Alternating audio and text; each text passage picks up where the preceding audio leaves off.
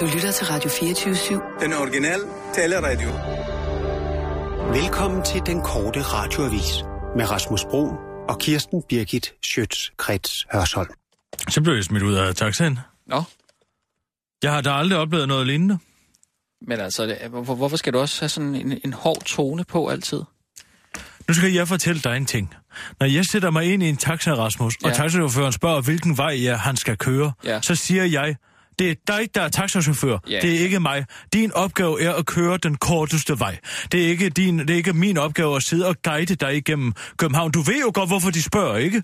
Du ved jo godt, hvorfor de spørger de her. Jamen, det- De spørger, fordi at så kan de være, at du siger en længere rute, end den de skal tage, og så har de jo ligesom, øh, så er de valideret i deres dårlige ruteplanlægning, fordi du har sagt, at de skal køre ned ad Peter Bangs vej, når de tydeligvis skal tage Roskildevejen. Kirsten, vi er på om øh, klar, skarp, parat.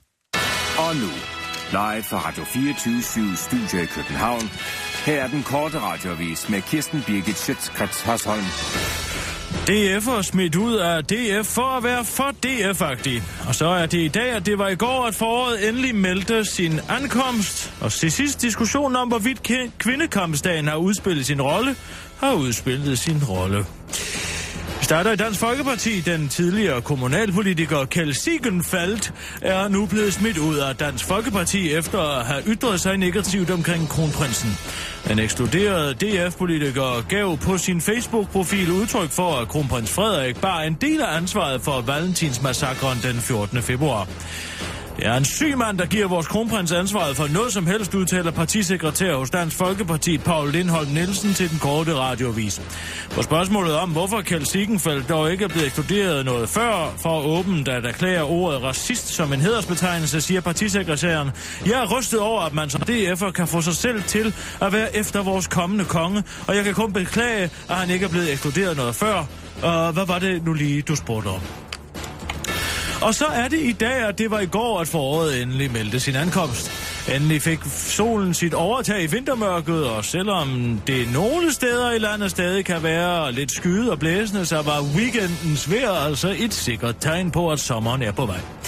Det mener meteorolog Henrik Malmgren, som den korte radioavis har talt med i anledningen af forårets komme. Og den gavede meteorolog er der heller ikke i tvivl om, at sommeren er lige rundt om hjørnet. Marts måned kan være utrolig svær at spå om, men når man oplever et sådan solskinsvejr, som enkelte egne i landet nød godt af i weekenden, ja, så er der altså ikke langt igen, udtaler værmanden begejstret til den korte radioavis. Og danskerne er der heller ikke i tvivl om, at sommeren er på vej. Det håber vi da. Det ville da være rart at få noget D-vitamin snart, udtaler en borger på gågaden i Holbæk og fortsætter. Bare det ikke bliver lige så varmt som sidste år, eller det var for, eller var det forrige år. Det var næsten for varmt. Det var sådan en trykkende varme. En helt anden varme end den varme, de er vant til nede sydpå. Der kommer varme vist op fra Afrika. Det her er jo, øh, det er jo ikke derfra, vores varme kommer. Den kommer ude fra Golfstrømmen af, har jeg hørt. Vi har jo generelt et noget mere fugtigt klima heroppe nordpå. Man kan også se det, hvis man stiller et glas isvand ud i solen herhjemme, så samler dukken sig lynhurtigt. Vi var nede i Tenerife i sommer, og der var varmt, men det var altså ikke helt lige så lummervarmt, som det var herhjemme sidste år, eller var det forrige år. Det var altså ikke rart. Det var for varmt, synes jeg. Jeg har i forvejen et problem med at få væske nok indenbords i den varme. Det bliver jo livsfarligt, hvis man ikke får læsket sig. Ligesom øh, dem, der lader deres hunde sidde i bilen om sommeren, de skulle altså skydes. Hundeejerne har altså tænkt sig, at man ikke sørger for at rulle vinduet ned, når man har en hund til at sidde der. De er vel bange for, at der er nogen, som kommer og røver bilen. Man hører jo så meget om 20 og den slags, der kommer østfra over grænsen og stjæler med arme og ben. Og hvad ved jeg?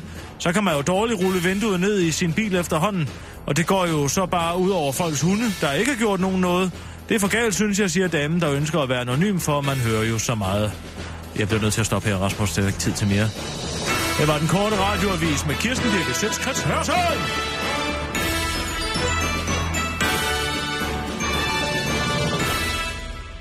Ja, så Kirsten, så er vi ude. Den er det for lang citat. Jamen, jeg synes, hun sagde mange rigtige ting alligevel. Ja, men du, vi bliver nødt til at korte det ned. Jo, det er men, rigtigt, at det er en anden slags varme, vi har heroppe. Ja, det synes jeg. Og det er jo også rigtigt, at øh, altså nede sydpå, der kommer det jo. Altså varmen kommer Det er jo sådan- fønen. Fønen, der, der vælter ind over klippen på Gibraltar. Ja. Den er jo, hvad det hedder, øh, den er jo dunkende varm, mm. men den er samtidig tør. Ja. Og det har hun jo ret i. Ja. Det er en tør varme, og vi har en fugtig varme heroppe. Derfor så, så, så, så, så mærker vi varmen. Ja, og så synes jeg også bare, at Langt hun, kom, hårdere, hun også kom de ældre. Ja, hun kommer jo også ind på noget politisk i, i den der øh, kommentar der med østbander, øh, der, Ja. der kommer, ikke? Så jeg synes ikke rigtigt, at jeg kunne skære i den på Nej, den det måde. kan godt være, du har ret. Og Altså, der folk er jo noget med, med hunde også, ikke? Det er jo noget, som... Øh, det der, folk elsker jo at tale om vejret. Ja. Og særligt, når det er godt. ja, Men det skal heller ikke være for godt. nej, men jeg synes også nu, i Hvis vi får en hedebølge i år, Rasmus, så ja. har vi guld. Så kan vi spænde guld på den her den korte radioavis. Hvad tænker du? De døende gamle, øh, det er for varmt nu, Mm, og, og de, øh, og skinnerne slår sig. mm, Det gør de jo. Sli- DSB's skinner slår sig jo. Ja. De er kun bygget til at fungere optimalt mellem 15 og 17,5 grader. Hvordan klarer du den egentlig varme, kommer jeg til at tænke på? Masser af væske. Ja. Jeg drikker en hel del. Så for at sørge for hele tiden at holde mig hydreret. Mm-hmm. Det er vigtigt. Ja. Du skal, og jeg kan se på dig, du har render under øjnene, Rasmus. Du drikker ikke nok vand. Jeg tror, det er fordi, Det er har... din generation. I tror, I Ja, har så travlt Kirsten. på trods af, at I ikke laver noget, men I drikker aldrig vand. Det er fordi, jeg er oppe hele natten. Jeg har to børn, som du øh, som nok ved, hvis du spurgte en gang imellem. Så vil du vide, at jeg faktisk øh, holdt mig vågen det meste af natten. Hvorfor holder du dig vågen? Nej, altså, de holder mig vågen, ikke? Jamen, altså, de... derfor kan du være godt drikke et glas vand. Ja, ja, men det, det, er Eller derfor, et glas rødvin. det er derfor, jeg har sorte rande under øjnene. Det er fordi, jeg er skide træt. Det er jeg faktisk også i dag. Ja, det må du altså... Jamen, hvad forventer du, jeg siger til det? Nej, det er bare... øh, Det vil være rart, hvis du lige viser forståelse over for, at jeg er lidt... Ja, ja, men det er da synd for dig. Drik et glas vand og kom videre. Uh, vi nåede ikke den her diskussion om, hvorvidt kvindekampsdagen har udspillet sin rolle, har udspillet sin rolle. Den bliver vi nødt til at rykke ind i en anden nyhedsudsendelse. ja. Uh, Jeg forstår jo ikke det der, du sagde med, med, med den taxichauffør. Altså, Han smed mig ud på groveste vis. jo, men det er da heller ikke særlig smart at begynde at anklage ham for alt muligt, før du overhovedet har sat dig ind i taxaen. Jamen, det gør jeg da heller ikke. Jeg havde da sat mig ind, og så siger han, hvilken vej skal jeg køre? Ja, Du skal køre den korteste vej, kammerat. jo, men det kan jo være, at du har en eller anden Det særlig... er jo heller ikke fordi, at jeg øh, går ned til øh, manden på gaden og siger, øh, hvad for en nyhed skal jeg skrive?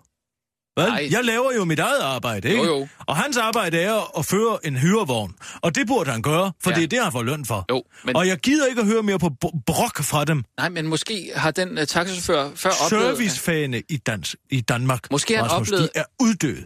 De er døde. Ja, Du kan jo ikke bestille en uh, Caesar salad mere på en, uh, på en restaurant, uden at få en uh, flabet bemærkning mm. fra en gymnasieelev, der er pisselig glad med, om indehavet det løber rundt. Ja. Mm. Du kan ikke sætte dig ind i en taxa, en taxa og bede om at blive kørt tur, uden at brokke sig over, at den er for kort. Nej. Der er noget, der hedder et tillægsgebyr, når man sætter sig ind i en da- dansk ja. taxa af samme årsag. Det koster 50 kroner bare at slå røven i sædet, kammerat. Ja. Kører du meget taxa? En gang imellem. Kører jeg der i taxa? Det er da helt sikkert. Jeg havde faktisk en rigtig pinlig Men oplevelse. jeg kører faktisk mest Uber. Nå, er du begyndt på det? Ja. Hvordan fungerer det? Det fungerer skide godt. Det må jeg sige. Du får der en snak, også med den menige mand, ligesom Ulla har gjort i så mange år. Ja. Altså, hvis du lægger mærke til, at Ulla, hun bruger altid taxachaufførens udsagn. Når hun er ude, ikke? Ja. Så siger hun for eksempel, øh, hvordan er det, hun taler? Um, jeg kørte i taxa her forleden. Den er meget god. Jeg Ah. kørte i taxa her forleden dag, og der sagde ah. taxachaufføren, at en pære koster 5 kroner mm. nu, hvor Gaddafi er kommet til magten, frem Ja. for 3 kroner før. Ja. Det kan ja, du Jeg høre. tror ikke, hun taler sådan. Hun taler stort set sådan. Ja, okay. Jeg rammer den ikke helt, ja. det er Ja. jeg klar over. Der er lige noget med nuancerne. Men jeg ved godt, jeg, jeg forstår, hvad du, hvad du snakker om, og det er også det, politikerne gør. Ikke? De siger altid, jamen jeg, var, jeg kørte min taxachauffør her den anden dag, der kunne fortælle sådan og sådan. Ja, Det er men- jo deres øh, adgang til virkeligheden, kan man Ja, sige. de kører jo taxa hele tiden. De tager jo bare de taxachauffører, som siger det, der understøtter deres teori. Ja, jo. Nej, men det vil sige, øh, jeg var ude at køre i taxa her den anden dag. Ikke? Nå, Og så, øh, det er så en... Øh, det er så en... en øh, en perker. Ja. Ja. Eller nej. Øh, altså, det var, det var en... Øh, Det er en indvandrermand. det var en En indvandrermand. muselmand. Ja, det var, nej, det var en, en, en indvandrer. Ja. Og så hører han så sådan noget musik, som ja. er... Øh, Nej, hvad er det? Sissel, hvad er det, du kommer med til mor? Der er kommet kage her i morgen En kage? fra e-bageren. Må jeg lige have lov at se? Nej. Nej, siger jeg. Det Øh. må jeg nok sige. Er der nogen, der har sendt den, eller hvad? Der er nogen, der har sendt mig en kage. Hvad står der? Er der et kort? Der står... Øh, besked til modtager. Frugtlavkagen er til Kirsten Birgit. Rasmus skal få en tebolle med rosin. Han bliver helt hysterisk, når han får chokolade. Det har de jo ret i. Hvad er det for noget? Du ved, hvordan du bliver, hvis du får for meget sukker, inden Altså, vi går hvorfor? Der er alle mulige fans, der, der sender alt muligt til dig hele tiden. Altså, Sissel, ved du, hvad du skal have? Er Du du skal have et stykke, fordi du er så dygtig. Ej, tak, Kirsten. Den er virkelig flot. Må, jeg, må mor se den? Må jeg, må jeg have lov til at få min kage? Wow. ja, Det er med blåbær og jordbær og marcipan. Sådan en kunne jeg da godt lige bruge. Kirsten, er du ikke lidt bange for, at, at, at alle de folk, der sender dig ting, at der, der kunne godt, du har jo også mange fjender. Kunne der ikke være en, der, der havde lagt et eller andet gift ind i den? Måske noget rottegift eller noget cyanid eller et eller andet? Hvad? Ja, du, du har jo fået mange fjender op igennem øh, årene, ikke? Ja, det har du selvfølgelig ret i. Jes Dorf ikke mindst. Men tror du han... Ja, det ved jeg ikke. Man hører jo så meget. Måske skal du lige smage først, Rasmus. Nå, så jeg må gerne smage kagen i dag. Jeg prøver du lige at smage den en gang Nå. og se, hvordan du har det. Hvor lækkert. Ja, det kunne jeg da godt. Jeg kan måske fortælle den der historie, som jeg var i gang med. Ja. Nej, altså så, så kom jeg i den her taxa, hvor det var, øh, det var en, en indvandrer, der kørte, og så hørte jeg sådan noget meget høj musik. Ja. Øh, det var Sådan noget... Sådan noget musik. Øh, ja, ja, det kunne du godt kalde det. Nej, så, øh, og så fordi jeg var simpelthen så træt i hovedet, jeg var, jeg var bare sådan helt, jeg har bare været op øh, hele natten, og så, øh, så siger jeg så, Smag nu lige på kagen, tror du, tror du, vi kan slukke for musikken? Ja. Og så spurgte han, om jeg var racist. Nå, hvad tror du det? Nej, det er der ikke. Det er da heller ikke til at holde ud og høre på. Så sagde jeg, at det var jeg ikke, om vi kunne også bare, øh, vi kunne bare høre videre, hvis det var. Nå, det var flot. Der mandede du da rigtig op. Nå, men jeg ved da ikke... Sgu da dig, der betaler for køreturen. Og du vil også bestemme, hvad der skal køre for noget musik. Om du så vil høre heavy metal, Jamen, det vil jeg ikke. Jeg vil gerne have stillhed. vil du være venlig lige at tage en bid af den der, så Ja. jeg kan se dig. Altså, lader jeg mundskænk nu, eller hvad? Er det det, du siger? Nej, det er da ikke det. Jeg vil da bare se, om den smager godt. Den smager... Mm. Uh, uh, uh, uh, uh, Kirsten! Kirsten! Kirsten, kom, kom, kom, kom, kom i ryggen! Rasmus, du har godt droppet det. Var det ikke sjovt? Du er en elendig skuespiller. Åh, oh, lad det være. En god kage. Tillykke med det. Du er Tak heldig, du at du har så mange fans. Det har jeg bare. Sådan er det. Nå. Kirsten. Martin Henriksen. Åh, oh, ja. Det var ærgerligt, at vi ikke fik neglet ham Ja, i weekenden. ja, det var det. Øhm, Jeg har sendt, uh, hvad det hedder, et uh, tweet ud, uh, hvor jeg beder folk om at ringe ind, hvis de har set ham alene, øh, øh, alene i cirkus. Det, der er med den her sag, Rasmus, ja. at vi har jo sådan set en kilde, som siger, at han har været alene i Cirkus Arena, ja. Mhm. Men hvis det kommer frem, hvis vi, hvis vi først breaker den her, Ja. Så smadrer vi hans karriere. Ja. Derfor er det vigtigt, der skal ikke være noget Ej, kommer på. ej, du må gerne lige tykke munden, før du begynder at snakke, Kirsten.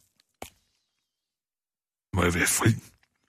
Jamen, Vi arbejder her. ja, ja. Og, øhm, ja, men altså... Øhm, Vi kommer til at smadre mandens karriere. Jeg ved det, men altså... Øh, Det er derfor, vi er nødt til at få bekræftet fra en kilde mere. Derfor har jeg sagt til folk på Twitter, at de kan ringe herind på 24 24 Mm. Til tipstelefon. men i weekenden, der fik jeg en... Øh, det var godt nok en, en anonym øh, kilde Ja, til at sige, at øh, han, hun havde set ham i øh, Circus Somarum. Altså det her DR-cirkus. Nå. Børnecirkus. ja. Alene også. Men hvad er det for noget? Og så talte du med en, der havde Ja, set jeg fik faktisk et ret lovende, øh, en ret lovende spor. Øh, jeg ringede til Diana for at høre, om øh, hun kunne bekræfte at have set ham i, i sit cirkus. Diana Benneweis. Ja, Og du Åh. ringede direkte til. jeg ringer direkte til Diana. Jeg kender hende fra gamle dage. Mhm. Men så... Hun siger, at hun vil gerne vil bekræfte historien, men hun gerne mødes et anonymt sted. Ja. Så siger jeg, hvor skal vi mødes hen, Diana? Så siger hun, super bedst, ud af Og- Domus Vista. Og så tager jeg det ud. Kirsten, vi er på Og om så 10... sker der altså... Hvad? Jeg, jeg har fuldstændig... Tiden er fuldstændig løbet fra. Vi er på om, øh, om, om 10 sekunder. 5, Ja. faktisk. Ja, er du tak. klar? Ja. Øh, øh, 4. Klar. Parat. Skarp. Og nu, live fra Radio 24 Studio i København. Her er den korte radiovis med Kirsten Birgit Schøtzgrads Hasholm. Ministre må ikke lyve mere.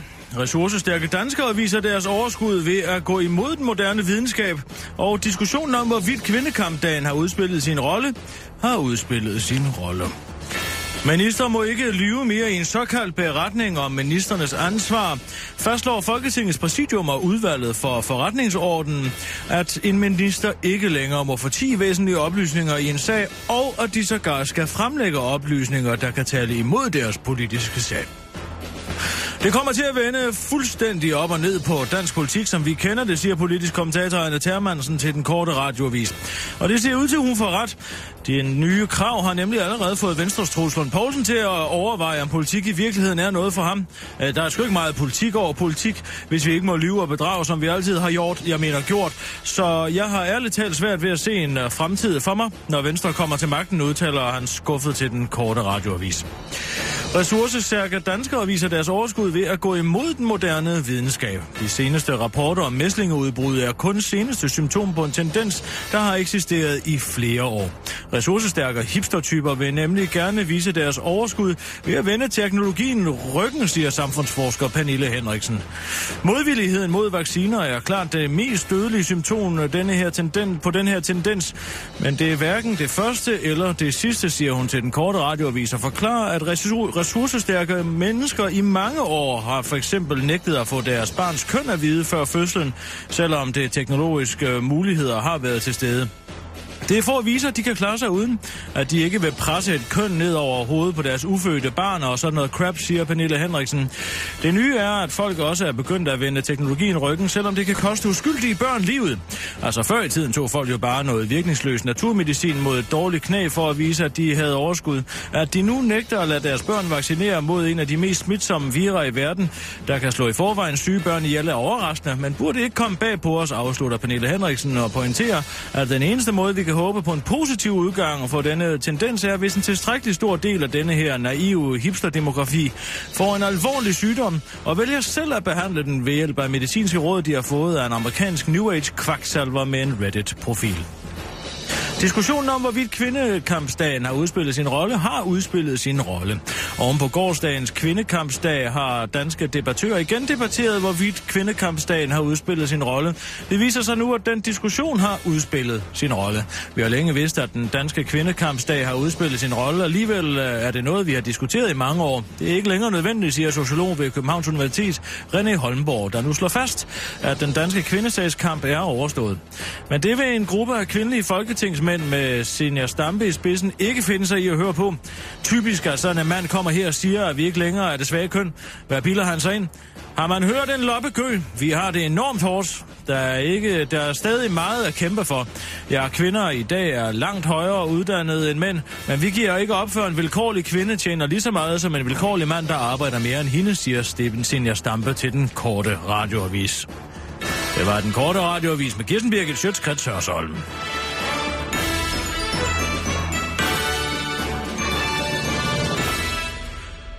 Ja, tak, Kirsten. Ja, men så kommer jeg jo ud der, efter at have talt med Diana.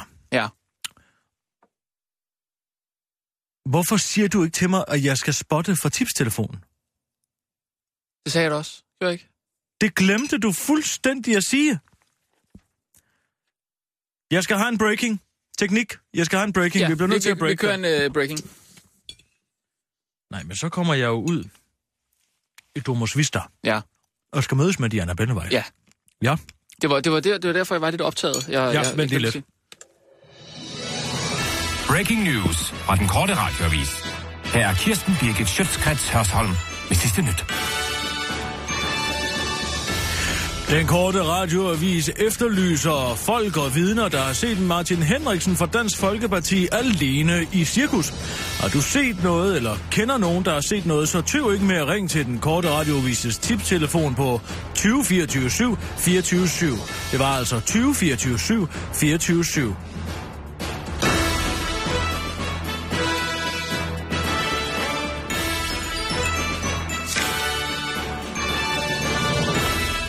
Ja, sådan. Nej, men så kommer jeg ud Ja. i Domus Vista. Ja. Jeg skal mødes med Diana Bennevejs. Mhm. Hun har talt med mig i telefon, hun, er, hun virker Ej, oplagt. Kirsten, jeg, jeg har altså et eller andet... Du, du, du, du smasker. Du smasker simpelthen. Du taler med... Hvad? Du taler med, med mad i munden. Kan du ikke lade være med det? Der er nogen, der ringer på tipstelefonen. Allerede? Nå, Ja. Hallo? hallo? Ja, det er til Søskilden. Ja, goddag, goddag. Har du noget til os, noget vi kan bruge?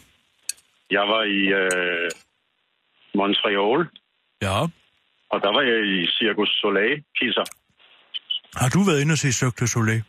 Ja. Og, Forhåbentlig ikke der- alene. Nej, jeg havde min hustru med, Nå, det var godt at høre. men, men jeg så Martin Henriksen alene. Det var dog utroligt. Ja. Lad du mærke til, hvad han nød mest? Var det klovne eller søløver? Jamen, øh, jeg tror, det var Søløverne. Søløverne. Ja. Aha. Og hvornår, hvor er vi henne rent øh, øh, tidsmæssigt det, her? det, det er 14 dage siden. Det var dog utroligt. Han, 14 han, siden. øh, han har været i cirkus mange steder. Montreal, og det vil sige Ja. 14 dage siden, så skriver vi slutningen af februar. Det passer meget godt, der. Skal vi sige den 25. februar? Ja, det, det, var, det, det er lige der omkring. Jeg kan ikke huske øh, datoen. Og du er sikker på, at han var alene derinde? Det er jo svært at sige, men han så ud, som om han sad alene. Jeg bliver mere og mere bekymret for den mands mentale velbefindende. Tusind tak, tusind tak skal du have. Tak for din kilde. Velbekomme, Kisser. Ja, det er godt. Hej. Ja, hej. Det er altså den første, der siger, at det var søløverne. Du Ja. husker, at han sagde, uh, vores branding-ekspert der i fredags, at hvis han, han, han nød søløverne mest, Mhm. så var det et tegn på mental sygdom. Ja. Men hvis han nød klovnene, så var det, fordi han ville gå efter for, øh, formandsposten i Dansk Folkeparti. Mm. Det er interessant at se, hvilke mønster, der tegner sig i løbet af dagen. Men hvad var det så med Diana Bennevejs, som du talte med? Nej, men så kommer jeg jo ud derud. Og jeg har en rød I rose. ude? Nå, ja, øh, det var øh, Domus Vista. Hvorfor skulle du mødes med hende der? Det er da hende, der siger, at hun gerne vil mødes med mig der. Hun er bange for at blive øh, forfulgt. For fuldt? Hun er jo gak-gak. Nå. Det vidste du ikke. Nej, Anna Bennevejs er gak-gak. nej det Men det er det, der er ligegyldigt ved den her historie. Men det Ja. bliver vigtigt. Aha. Fordi jeg kommer ud, hun er gak gak gak øh, lakkegak, lakkegak. Ja, jeg forstår det godt, Kirsten. Det, jeg har da Hun er helt den. væk. Nå. Ja, jeg har da set den på tv. Må jeg have lov til at tale færdig? Ja, ja. Diana, Diana Bennevejs er altså gakkelak. Hun kæmper med psykisk sygdom. Men det, der er så interessant, mm. jeg så kommer derud, jeg har en rød rose med, det har hun bedt mig om at tage på, på trods af, at vi udmærket kender hinanden. ja. Det lyder mærkeligt. Det er meget underligt. Jeg møder hende henne ved specialøllet, hvor hun står og vælger Ja. og siger, Diana, hvad er det, du vil fortælle mig? Har du noget på Martin Henriksen? Mhm, mhm. Og så vender hun sig om med et vanvittigt blik i øjnene, kan jeg jo godt fortælle dig, Ja. og kaster en flaske efter mig. Åh. Så går det op for mig igennem hendes rappleri og hendes skrigeri, og hun tror, jeg er en trold. Du tror, du er en trold? Hun tror, jeg er en trold, der er kommet ind efter hende for at tage hende og tage hende væk. Men har du ikke selv sagt, at du skulle komme? Jo, men hun har jo fået et- simpelthen psykotisk nervesambrud i mellemtiden. Hun er dybt psykotisk. Og jeg bliver nødt til... En Og- trold fra Norge, eller... Hvorfor i alverden skulle jeg være en trold for Norge? En dansk Jamen, det- det- trold. Nå, jeg... jeg En gøldtrold. Okay. Krøllebølle måske? Hvad? Nej, nej, ikke noget. Det var bare... Eller en strøg tanke. Undskyld. Hvad, hvad så? Ja, så må jeg jo flygte over hals og hoved, mm. ud af Superbest i Domus Vista, og ud i oppen i sikkerhed, og så køre hjem. Men det vil sige, øh, kort fortalt, at vi kan ikke bruge hendes vidneudsagn til noget som Nej, helst. det kan vi ikke. Det Det havde været svært at bruge i forvejen. Det er da irriterende. Øh, skal vi, kan vi ikke lige prøve at ringe en sidste gang til Martin Henriksen, altså? Det kan jo være, at vi er heldige. Hvis, må I, hvis jeg lige må føre ordet den her gang. Fordi Du du, har det altså med at, at, at, at gå Du amok. kan jo prøve. Ja.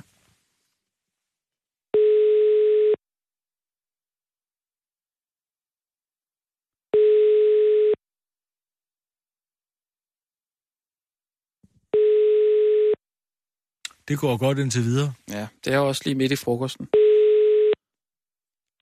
Goddag, du har ringet til Martin Henriksen. Jeg kan desværre ikke tage et telefon. Jeg orker ikke, at du skal høre hele den der lange Jamen, besked. jeg, må jeg ikke have lov til at lægge en besked? 42 33, hvis det drejer Så læg en besked. Hvis Så skal den være en venlig. Ja, ja, Når du har spørgsmål til Dansk Folkeparti's øh, generelle politik, eller har en konkret sag, så send gerne et øh, brev eller en mail til martin. Det var da utrolig indsmør. Prøv at lægge mærke til her til sidst. Prøv at lægge mærke til her til sidst, hvor han siger... Og når derfor ikke altid aflyst Han siger, han ikke hører dem. øh, Alligevel så hørte han den så sidste, jeg jeg håber, at du vil rette henvendelse skriftligt til mig. Ha' en fortsat god dag. Ja, goddag Martin Henriksen. Øh, du taler med, eller det gør du ikke, men der ligger en besked på din telefonsvar nu, og jeg hedder Rasmus Brun. Øh, jeg ringer fra Radio 24 og jeg vil gerne lige sige først og fremmest pardon her for sidste gang. Øh, min kollega Kirsten Birgit Sjøtskrets Hørsson var måske lige en tand kort for hovedet, da vi talte med dig sidst. Det vil jeg gerne lige slå en streg over, og så sige, at vi er meget interesseret i at lave et interview med dig, der handler om, hvad du godt kan lide ved cirkus. Triller! Ja, eller ja, klovne? Kom så med det. Martin Henriksen. Afslør dig selv. Hvad er det, du gemmer på? Hvad er det for en perversitet, du gemmer på? Sølv eller klovne, Martin Henriksen? Svar så det danske folk. De kræver et svar. Kirsten. Tak. Det var Kirsten Birgit Sjøtskrets Hørsson fra den korte radioavis. Du kan ringe tilbage, hvis du tør. Så er den lukket. Skal vi sige, at øh, den er lagt i graven nu? Bare rolig, vi skal nok få ham. Vi skal nok få skovlen under ham. Og en kavling direkte ind ad dørsprækken til mig. Vi er på med en øh, nyhedsudsendelse om tre minutter nu, Kirsten. Jeg, Øhm, øh, jeg har en... Øh... Jeg har en historie om Nemtsov. Nemtsov. Det er jo ikke noget, vi har beskæftiget os så meget med, fordi vi primært inden beskæftiger os med indlandsstof. Men jeg synes alligevel, den kan noget, den her historie. Og ja, at, nej, det, det er ikke til at få hoved og hale på det der øh, udlandsstof der, synes jeg. Men... Hvis du nu anstrengte dig lidt, ja, tag ja, en bid af din tebold og få lidt energi. jeg, jeg kan slet ikke... Men, at der er rosiner i, det kan jeg slet ikke lide. Kan du ikke lide en rosin? Nej, jeg kan ikke lide tørret frugt. Kan du lide vin? Kan du drikke vin? Jo, et enkelt glas i nyerne, jo. Ja, det er jo også øh, en form for rosin, der er i der. Jo, men det er da ikke tørret øh, vindruer. Nej, men de bliver der trampet på. Man tramper da ikke på rosiner. Det er da sådan, man laver dem så små. Man ligger dem der bare i solen, så tørrer de. Ah, hvad bare? Ja, ja, altså, det må være nej, noget, vi, du vi skal ikke stå og diskutere, hvordan man laver rosiner. Øh, vi, vi er på om to minutter. Prøv nu at høre her. Hvad, Øh, prøv, lev du bare ja, i din madløgn. Nem, Nemtsov, hvad er det, det går ud på det der? Det er ikke til at finde hoved og hale i. Ja, det er jo Putin, og øh, ja, det, det, han påstår, det ikke er ham, men øh, altså, der er nogle meget mystiske omstændigheder omkring det her mordet på Boris Nemtsov, mm. som jeg har gravet mig frem til. Hvad har du gravet dig frem til? Ja, altså det, der sker, det er, han går på gaden, Boris Nemtsov. Mm. Ja, han er oppositionsleder. Er du Ja, med? ja, ja. Godt, du er med så langt. Godt. Er det ham, der spiller skak? Nej. det, Nej. nej det. Nu må du altså lige vågne lidt. Ja, Ja, han går på gaden, og så bliver han likvideret. Han bliver skudt i ryggen simpelthen. Jeg tror slet bare- ret. Hør nu efter! Han bliver slet ret skudt i ryggen. ja. Men det, der så sker, er, som er så interessant, det er, at bedst som han bliver... Der er et kamera, som har vy over øh, det, øh, hændelserne. Ja. Og bedst som han går bag, øh, han går på gaden, lige inden han bliver skudt, kører der en sniplov forbi. En statsejet sniplov, ja? Mm. Og dækker for udsynet lige, hvor han bliver skudt. Hører du efter? Ja, jeg hører efter. Ja, tak. Så bliver han skudt i ryggen. Ja. Så dør han. Mm. Der er to ting, som er underlige. To timer efter, så kommer der øh, gadeoprydningshold og spuler gaden ren. Der var vel blod? Ja, det var der vel. Altså, vågn nu lidt op. Det er dig, som sidder og ser krimiserier i 12 timer i træk på DR. Må du være klar over, at man skal sikre de tekniske beviser, ja? Jo, jo, det skal man. Nå, godt. Ja. De bliver spulet væk. Ja, Nå, det er da alligevel mærkeligt så. men det, der er mest mærkeligt, Ja. det snede ikke den dag. Øh, Ja, hvorfor kører der så en sniplov? det var vel på vej et- et sted hen, hvor der var sne, måske? Jamen, er, Altså, Rasmus, vågn nu lige op. Vågn Ja. nu op fra din søvn. Kirsten, vi er på Vi om... taler om en statsleder her, der har myrdet en oppositionsleder. Ja. Men uh, tror du, Dorte Jensen interesserer sig for det? Det ved jeg ikke. Og nu, live fra Radio 24 Studio i København. Her er den korte radiovis med Kirsten Birgit Schøtzgrads Hasholm. Putin nægter stadig, at han bestilte drab på oppositionsleder Boris Nemtsov. Og journalisters drugwiping af danske ungdomsuddannelser nu mere præcist en tidsmo... Start forfra. Jeg klokker i den. Jeg er ked af det. Vi kører forfra. Vi kører forfra. Hvad nu? Var du ikke tilfreds? Nej. Jamen så lad os have den en gang til. Klar, skarp, parat. Og nu, live fra Radio 24 Studio i København. Her er den korte radiovis med Kirsten Birgit Schøtzgrads Hasholm. Putin nægter stadig, at han bestilte drab på oppositionsleder Boris Nemtsov. Og journalisters drugwiping af danske ungdomsuddannelser nu mere præcis tidsmåler end himmellæmernes bevægelser. Starter hos Putin. Den russiske præsident Vladimir Putin nægter fortsat at have noget som helst at gøre med mordet på oppositionslederen Nemtsov. Ja, jeg var den eneste, der gavnede af hans, øh, hans død, men måske faldt han bare oven på en usi, da den statsejede sneplov kørte forbi ham og præcis i gerningsøjeblikket blokerede det eneste overvågningskamera med udsyn til gerningsstedet. Det kan man jo ikke vide, siger Putin ved et pressemøde og trækker på skuldrene. På spørgsmålet om, hvorfor en sneplov kørte og fjernede sne på en vej, hvor der ikke lå noget sne, siger Putin, det kan jo være, at chaufføren af sneploven var blind og ikke kunne se, at det ikke havde sneet. Det vigtigste er, at statsansatte få timer efter uheldet var på stedet og fik sikret de tekniske beviser ved at spule dem væk med en højtryksrenser. Overrasket over, at deltagerne ved pressemødet stadig ikke var overbevist om hans uskyld, gjorde Putin et sidste forsøg. Tror I virkelig, at jeg kunne finde på sådan noget? Kig dybt i mine følelseskolde hejøjne og stil jer selv det spørgsmål en gang til, afslutter Putin.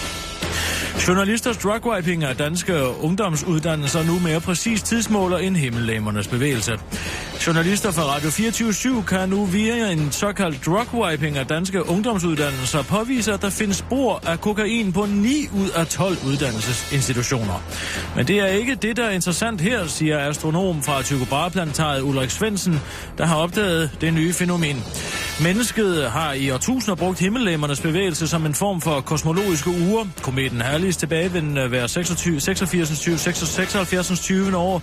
Venuspassagen og jordens omløb om jorden er og jordens omløb om solen er gode eksempler, siger Ulrik Svendsen og uddyber, at nu kan man altså tilføje en tidsmåler øh, mere til videnskabens verden. Journalisters drugwiping af uddannelsessteder forekommer præcis hver fjerde år, når nyhedsstrømmen er meget svag, og der er en tendens til, vi, det er en tendens, vi slet ikke havde set komme. Men efter at have gået vores data igennem, er vi helt sikre på, at det her er en ny naturlov. Vi kan forvente, at danske journalister igen i år 2019 vil drugwipe en uddannelsesinstitution, og fænomenet ventes at tiltrække entusiaster fra hele verden. Vi ved, det kommer, men det, der er spændende, bliver at se, om det bliver journalister fra BT, Ekstrabladet eller måske helt over fra Berlinske Tidene, der laver historien. Det er det, der gør det her fag så spændende, afslutter astronom fra Tycho Brahe-planetariet Henrik Svendsen, der fordi det var ham, der først observerede fænomenet, har fået lov til at navngive det, og det gjorde han med det fængende navn Svendsen 90210.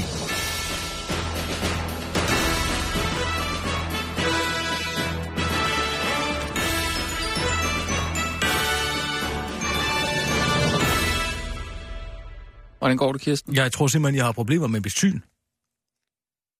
Ja. Jeg tror simpelthen, jeg har problemer med mit syn. Skal du have briller? Måske. Hvem ved?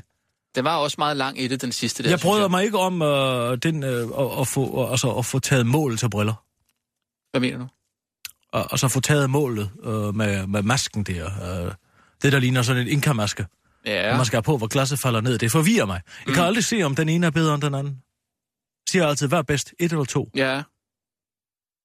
Åh, må jeg lige have lov til at se dem igen? Ikke? Man, man, det, man, bliver, u, altså, man bliver meget usikker på sit eget syn. den, øh, der, der står mest uskarp, jo. Ja, den skal jeg da ikke vælge. Skal jeg vælge Nej, den nej, anden? nej, det er den, du skal sige. Det, den er uskarp. Men der er jo ingen forskel stort set på de to ting. Ja, det ved jeg ikke. Øhm, Du har da ellers briller. Ja, men jeg har ikke tænkt over det. Det, det skulle være et problem.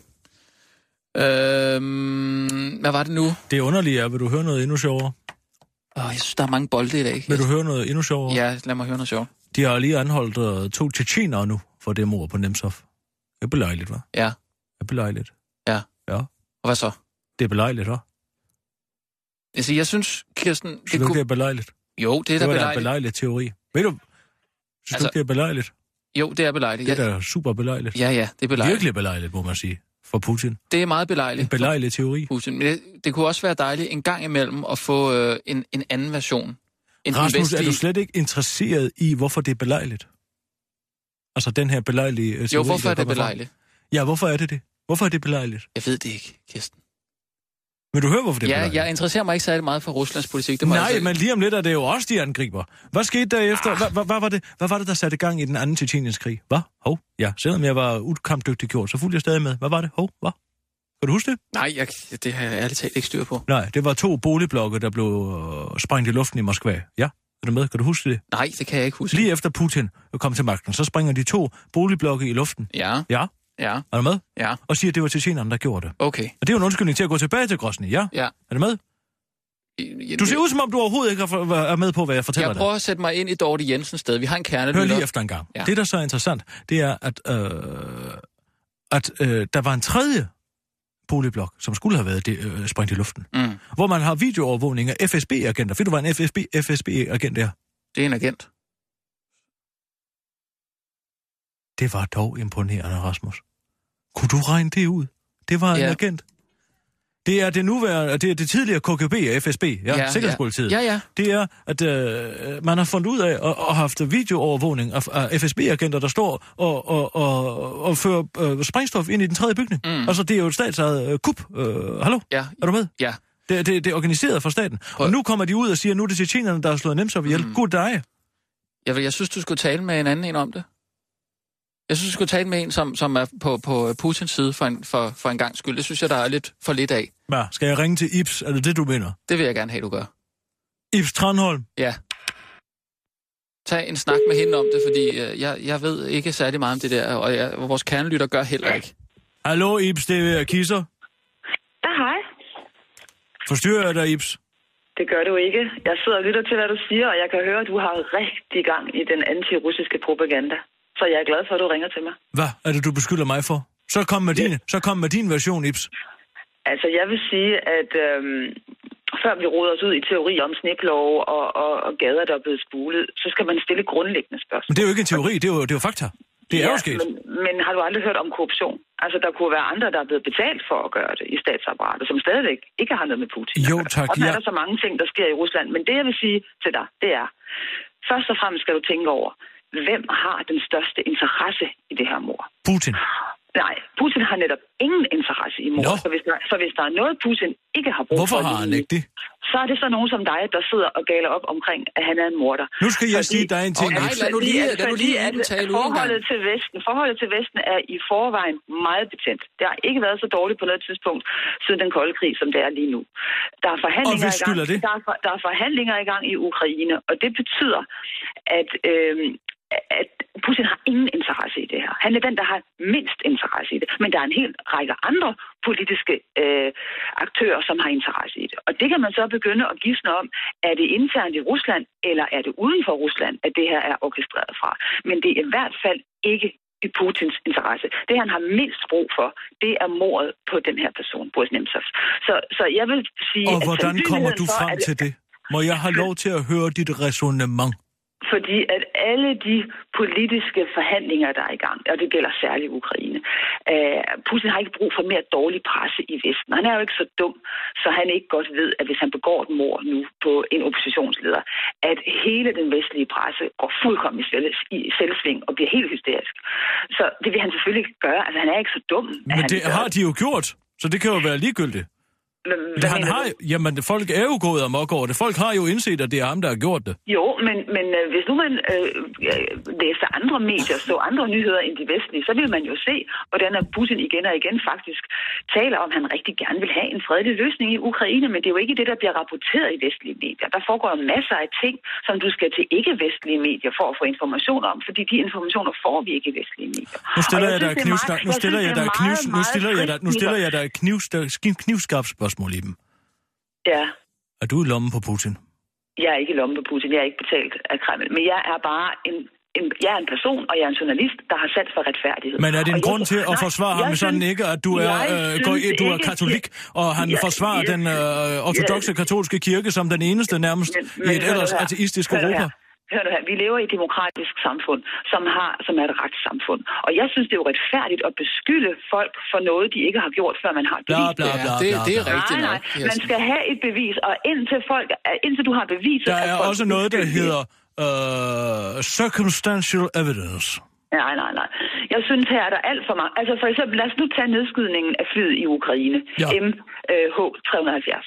Uh. Øh, der var jo flere efterretningstjenester, at der var, øh, havde rapporter om, at det her fly var blevet beskudt fra luften. Og da det kom frem, så lukkede Kiev for undersøgelsen. Jeg har lige talt med en, Rusl- en, en Ruslands forsker i formiddag, og han siger, at undersøgelsen er lukket. Og det er faktisk en tilståelse af, at det var ikke Putin. Det var andre øh, kræfter, der stod bag. Men det får vi ikke at vide i vestlig presse, fordi det er kompromitterende for Kiev. Det vil sige, at det får vi ikke at vide. Men det var ikke Putin, men en time efter det var sket, så var vestlige medier i gang med den narrativ om, at det er Putins skyld. Altså, jeg, jeg, jeg sad bare og ventede på, da vi havde terrorangrebet Du hjemme i er meget at dygtig nogen retoriker, sagde. At nogen Et sagde, det er narrativ. Putins skyld. Det er Putins skyld. Ja, altså en fortælling, en fortælling Ja, om, jeg at forstår godt, hvad det betyder. Det insinuerer, det er løgn. Jeg vil sige, vi er også udsat for, for, for propaganda her i Vesten. Ja, tak. Ikke mindst fra dig. Pro-russisk Nej, propaganda. Jeg siger, jeg hylder bare retfærdighed, og jeg synes, at det, der bliver sagt om Rusland, er uretfærdigt. Fordi at jeg ser, hvis du går til andre kilder end de CNN og sådan nogen som dig, Kisser, så får man altså et Beskylder du mig for ikke at lave min research? Er det det? Jeg siger, du gør ikke din research ordentligt. Du gør Jeg din har ikke bare siddet og set CNN. Jeg har lagt to og to sammen. Det er jo ikke første Ja, gang. Så, men- hvordan, ser du, øh, hvordan ser du så på den sag om, øh, om, om opstarten af, af, af- den anden tjetjenske krig, de to boligblokke? Men- Man har det er jo men- fået dybe, håndgribelige beviser på, vil at det er FSB, der er sprunget med luften, og alle, der er kommet nu på. spring, du springer i tingene. Jeg vil sige, at... at øh, Men den det er da Putin igen. krig- Nej, den tjetjenske krig er en helt anden situation. Og jeg sidder ikke og siger, at alt går lige efter bogen i Rusland. Det gør det heller ikke i Vesten. Altså, øh, Vesten har ikke bestilt andet end at invadere Hvem lande, siger, det gør øh, sådan de i Vesten? Det siger mange det heller ikke. Jeg år. siger, korruption skal- Men jeg siger til dig, jeg siger bare til dig, at, at du bliver nødt til at tage én ting ad gangen. Og det, vi sidder og snakker om nu, det er, altså, du bygger dine teorier på noget, du ikke kan bevise. Og der er mange andre interesser i Rusland end bare Kreml. Der er også utrolig Er du ikke mange, katolik? Er du ikke katolik, og så sidder du og beskylder mig for at bygge en teori på noget, jeg ikke kan bevise? Det er sgu flot gjort. Nej, men jeg siger bare til dig, at her snakker vi politik. Og man kan ikke nytte noget, man går ud og siger om en person, han er en morder, hvis du ikke har bevis. Kisser, vi- Det er en øh, meget alvorlig beskyldning. Ibs, vi bliver nødt til at, at afslutte her. Vi bliver nødt til at sige, uh, at vi må gå ud og tage et Ja. glas aldervin eller et eller andet. Men Er du... du- ringer til mig igen, ikke? Ja, Når tak skal du Ja, have, ja. Ibs. Vil du ikke øh, snakke videre nu, øh, Ki- Kisser? Hvis du har muligheden. Jeg siger tak for i dag, Nå, Ibs. okay. Farvel. Jeg Nå. beklager, jeg kunne ikke høre mere. Jeg kunne godt ud, jeg kunne godt ud og høre mere. Nå, men altså, jeg håber bare, at du er øh, stimuleret nu på det udenrigspolitiske. Ja, det er jeg da også. Det var godt. Kvinden er jo... Øh, øh, hun kæmper jo bare den ortodo- ortodoxe katolske, katolske kirkes sag, Jamen- ligesom Putin. Hun er jo forelsket i manden, fordi han gør det samme. Det må du Han snakke, sørger for de katolske Du må- rettigheder. Kirsten, du må snakke med, med, med Iben om det. Jeg, jeg, jeg overgår ikke det der, fordi jeg er nødt til at tænke på, at vi har en kernelytter.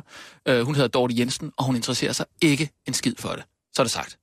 Ikke en skid. Nej, hun vil jo bare gerne ned til Gardasøen og æde pizza. Det, Det er det udland, hun får. ja, det er tilfældigvis ja, der, hun bedst kan rejse telt. Ned og bade i kloakvand. Og tro, det er kultur. Nej, men... Hvad med en gang at, at interessere sig for lidt, hvad der, hvad der sker i verden? Mm. Og alle de løgne, vi alle sammen bliver udsat for. Jamen, det kan da også- også være, at du bliver udsat for en løgn, ikke? Altså selv Mussolini fik jo togene til at gå til tiden, sagde man ikke. Noget var der jo godt at sige om ham. Der er også sikkert noget godt at sige om Putin. Han er god til at lave pirokker, eller hvad ved jeg. Men derfor, så skal man jo stadigvæk lade være med at slå folk ihjel, bare fordi de er uenige i, i det, man siger. Men Iben har også ret i, at han skal jo ikke beskyldes for noget, som, øh, som ikke er bevist endnu, vel? Nej, han har et helt øh, efterretningsapparat til at sørge for, at det ikke kan bevises. Han har stået og spulet gaderne væk for at sørge for, at det ikke kan bevises. Men er vi færdige nu? Ja tak, vi er færdige. Godt. Så er vi faktisk på med en nyhedsudsendelse om to minutter, og hvis vi kan få noget, øh, som danskerne forstår. Øh, ja. Øh, hvad med... Øh, Hvad med den her øh, hotline? Du har skrevet noget om. Jeg kan se, hvad du... ja, ja, og der er også, hvordan man får et langt liv. Det er godt. Det interesserer Dorte sig sikkert for. Så kan hun blive ved med at stå på... Og stå over på... Og stå over på apoteket i Randers og mm. leve. Og bare leve sit lange, elendige liv. Mm. Ja. Hvor hun kan tage til Gardasøen hver sommer Ja, og spise det, overkogt pasta, det skal vi jo ikke... som gå, rumæner har nu, lavet. skal, nu skal vi jo ikke gå ind og være dommer over, hvad der er det gode liv, vel? Hvad? Ja, altså, nu skal vi jo ikke gå ind og være dommer over, hvad der er det gode liv. Det har du din, din klumme til. Ja, og det har jeg gjort, og den har været inspirerende for mange. Ja, det har den. Uden tvivl. Lars øh, ringede til mig og sagde, at han vil øh, begynde at drikke igen. Mere. Lars hvem? Lykke. Han ringede til dig? Han havde hørt øh, klummen Ja. og sagde, hvor, hvor har du ret, kisser? Så han vil ikke gøre det i, i, i skjul længere? Hvad? Så han vil ikke drikke i skjul længere? Nej, nu begynder han bare at drikke åbenlyst. Nå. Og det kan jeg godt lide ham for. Jamen, det er da utroligt, som du kan anspore folk til at drikke. Øhm, hvad var det, vi kom fra? Øh, sådan får du et langt liv. Ja, den er god. Og så den her radikaliserede hotline. Og, og vi er på om øh, 20 sekunder Og nu. så har jeg, øh, der er kommet en ny fortæller for danske kvinders rettigheder øh, fra en, en, en inder, faktisk. Åh, oh, det er meget godt i anledning af kvindernes kampdag. ja, ja, ja, det er super duper. Ja. Øh, godt, jamen øh, så er vi på om, øh, om 10 med det. 5, Jeg har ikke min næseskyller mere. klar, parat, skarp, puha. Og nu, live fra Radio 24 Studio i København. Her er den korte radiovis med Kirsten Birgit Schøtzgrads Hasholm. Invalideret indisk voldtægtsoffer rystet over forhold for danske kvinder. Ja, goddag, det er Mohammed. Jeg er bange for, at jeg er blevet radikaliseret. Og så er der godt nyt til alle, der kunne tænke sig et langt liv. Sindira Galjari, der i fjor blev voldtaget og derefter udsat for et syreangreb på en færge ude for Sri Lanka, står nu offentligt frem og udtrykker sin sympati for de danske kvinders situation. Da jeg hørte, at kun 40 procent af medlemmerne i det- i det danske folketing var kvinder, troede jeg ikke mine egne ører. Eller de to huller i siden af mit hoved, der engang var mine ører, siger Galjari til internetmagasinet Modkraft. Galjari er blevet gjort til ambassadør for den danske kvindesag og har nu fået til opgave at rejse verden rundt for at gøre opmærksom på de ligestillingsproblemer og diskriminationsproblemer, danske kvinder dagligt bliver udsat for. Min første opgave er at give en tale til FN, der skal gøre opmærksom på, at den kvindelige andel af bestyrelsesposter i danske virksomheder kun er steget med 0,9 procent i 2014. Det er nærmest surrealistisk, at den slags stadig forekommer, siger Sindira Galjardi til den korte radioavis. Ja, goddag, det er Mohammed. Jeg er bange for, at jeg er blevet radikaliseret. Sådan kan radikaliserede unge endnu ikke sige til den såkaldte radikaliseringshotline, som Folketinget i januar blev enige om at oprette. Der kommer nemlig til at gå yderligere fem måneder, før hotline er helt klar til at tage imod opkald fra radikaliserede islamister og deres pårørende. Integrationsminister Manu Sarin forklarer, at det skyldes, at det tager sin tid at finde de rette personer til at varetage opgaven. Vi leder i øjeblikket efter folk, der kan forklare de her islamister, hvor godt vi har det her i Danmark, men det er faktisk skidesvært efterhånden, siger integrationsministeren til den korte radioavis. Og så er der godt nyt til alle, der kunne tænke sig et langt liv. Nu afslører verdens ældste kvinde, den japanske Misao Ogawa, nemlig kilden bag sit 117-årige lange liv. Hendes råd, er til andre, hendes råd til andre, der vil opnå en høj alder, er simpel. Livselixieren består af søvn og sushi. Hun sørger selv for at sove 8 timer i døgnet og spiser tre store måltider mad om dagen. Det skal dog nævnes, at langt størstedelen af den sushi, som den gamle kone har konsumeret, stammer fra fisk, der er fanget før Fukushima-ulykken i 2011. Det vides endnu ikke, om man måske kan leve dobbelt så langt liv på radioaktive fisk, men forskere følger udviklingen. Det var den korte radioavis med Kirsten Birgit Schøtzgrads Hørsholm.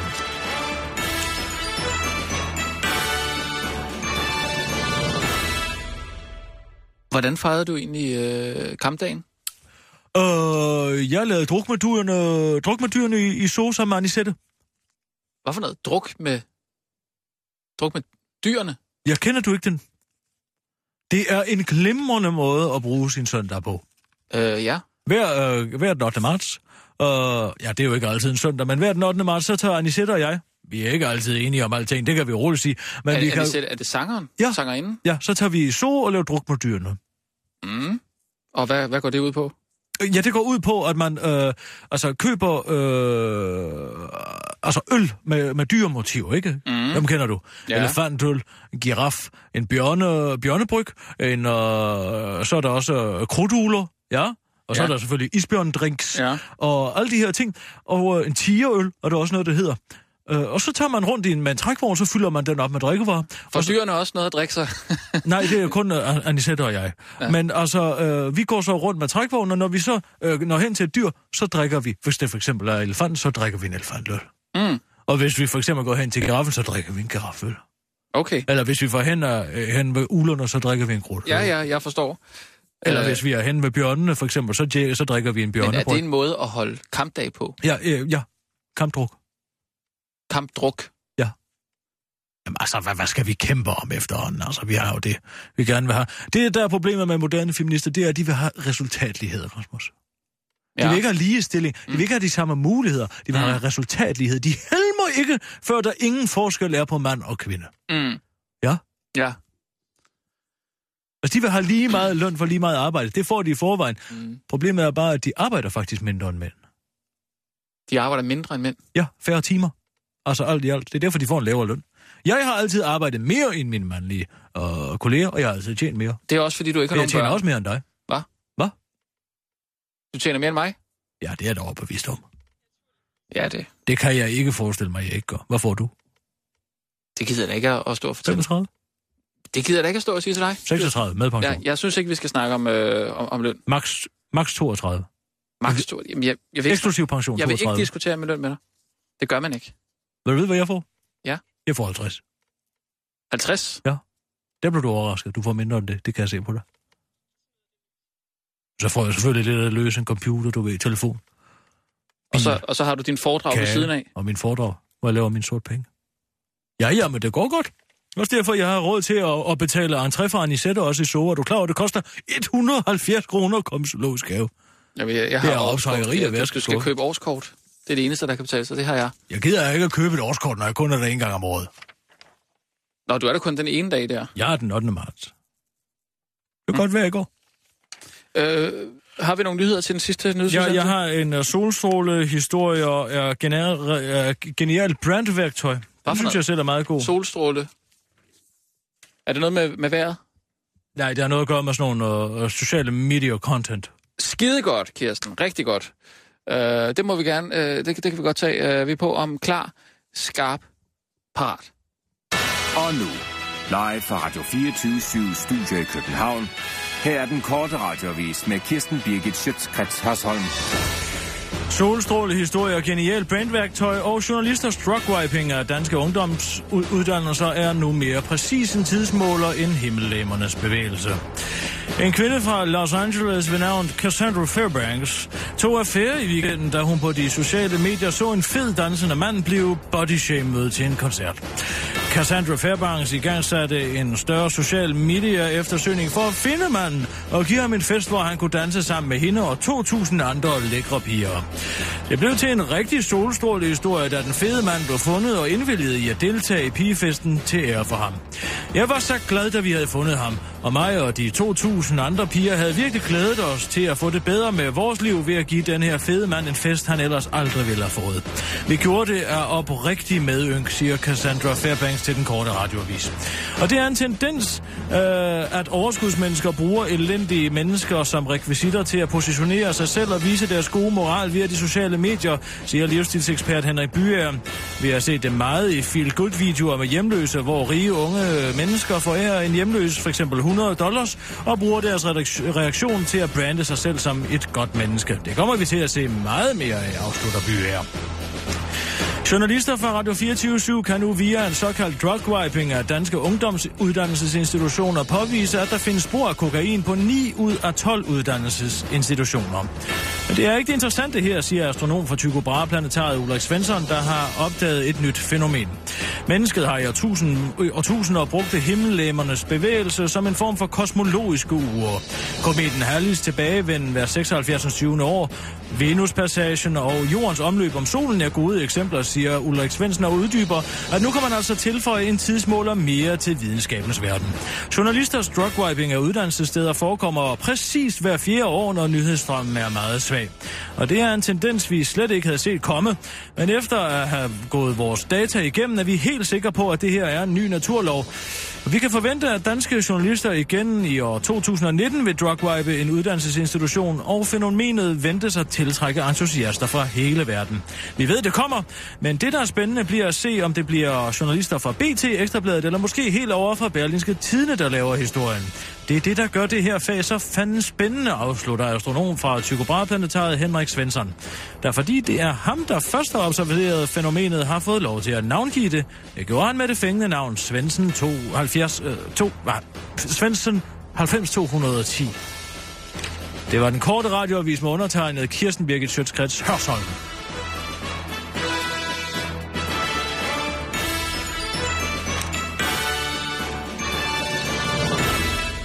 Det er altså efter den der druk med tyrene, jeg blev smidt ud af taxaen jo. Nå, du var fuld, da det skete. Nej, jeg var ikke fuld. Jamen, sagde du, det var kampdruk? Jo, jeg bliver da ikke fuld af sådan 10-15 gulde. Nå, det gør du ikke alligevel. Nej, det gør Det da det sætte der imponerende. heller ikke.